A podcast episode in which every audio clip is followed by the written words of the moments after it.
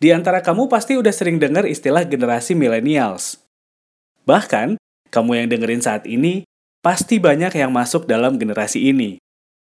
Di mana-mana semua pada ngebahas tentang millennials, mulai dari gaya hidupnya sampai kinerjanya di kantor. Tapi, masih banyak juga loh persepsi yang keliru, bahkan pandangan yang negatif buat generasi ini. Sebelum ngomongin lebih jauh tentang generasi millennials, penasaran nggak sih Kira-kira apa aja potensi yang dimiliki sama millennials dan gimana caranya untuk memahami generasi ini secara tepat? Kita bahas yuk di Millennials Corner, makna kata podcast, bareng saya, Fendi Rahman.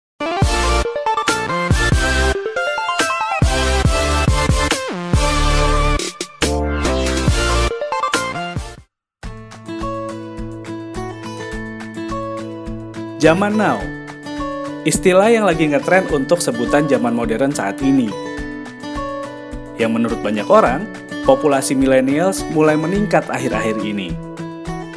Sebuah data dari Badan Pusat Statistik Nasional, jumlah generasi millennials mencapai hampir 24% dari total populasi Indonesia sebanyak 265 juta jiwa.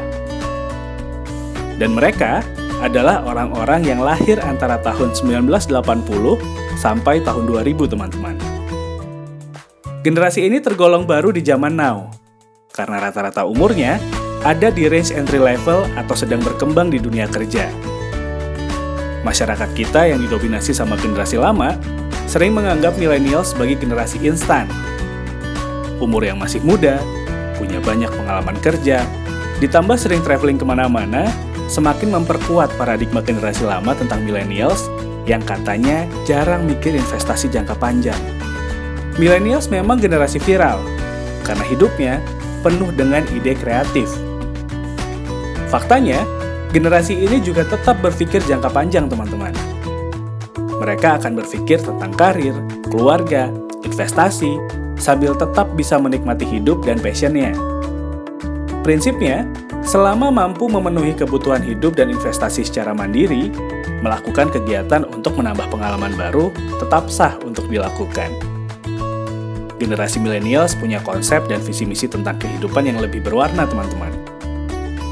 Performance adalah hal yang mutlak, karena eksistensi wajib hukumnya untuk millennials. Generasi ini merasa lebih punya value ketika mereka tampil secara nyata dibanding secara konsep millennials juga butuh ruang ekspresi yang lebih luas dibanding generasi sebelumnya. Makanya, di zaman sekarang, banyak banget hal-hal baru yang sebenarnya benturan dari kebiasaan lama. Contohnya, kue cubit green tea, bola ubi Oreo, atau cireng mozzarella. Bener nggak? Generasi millennials juga lebih menghargai waktu.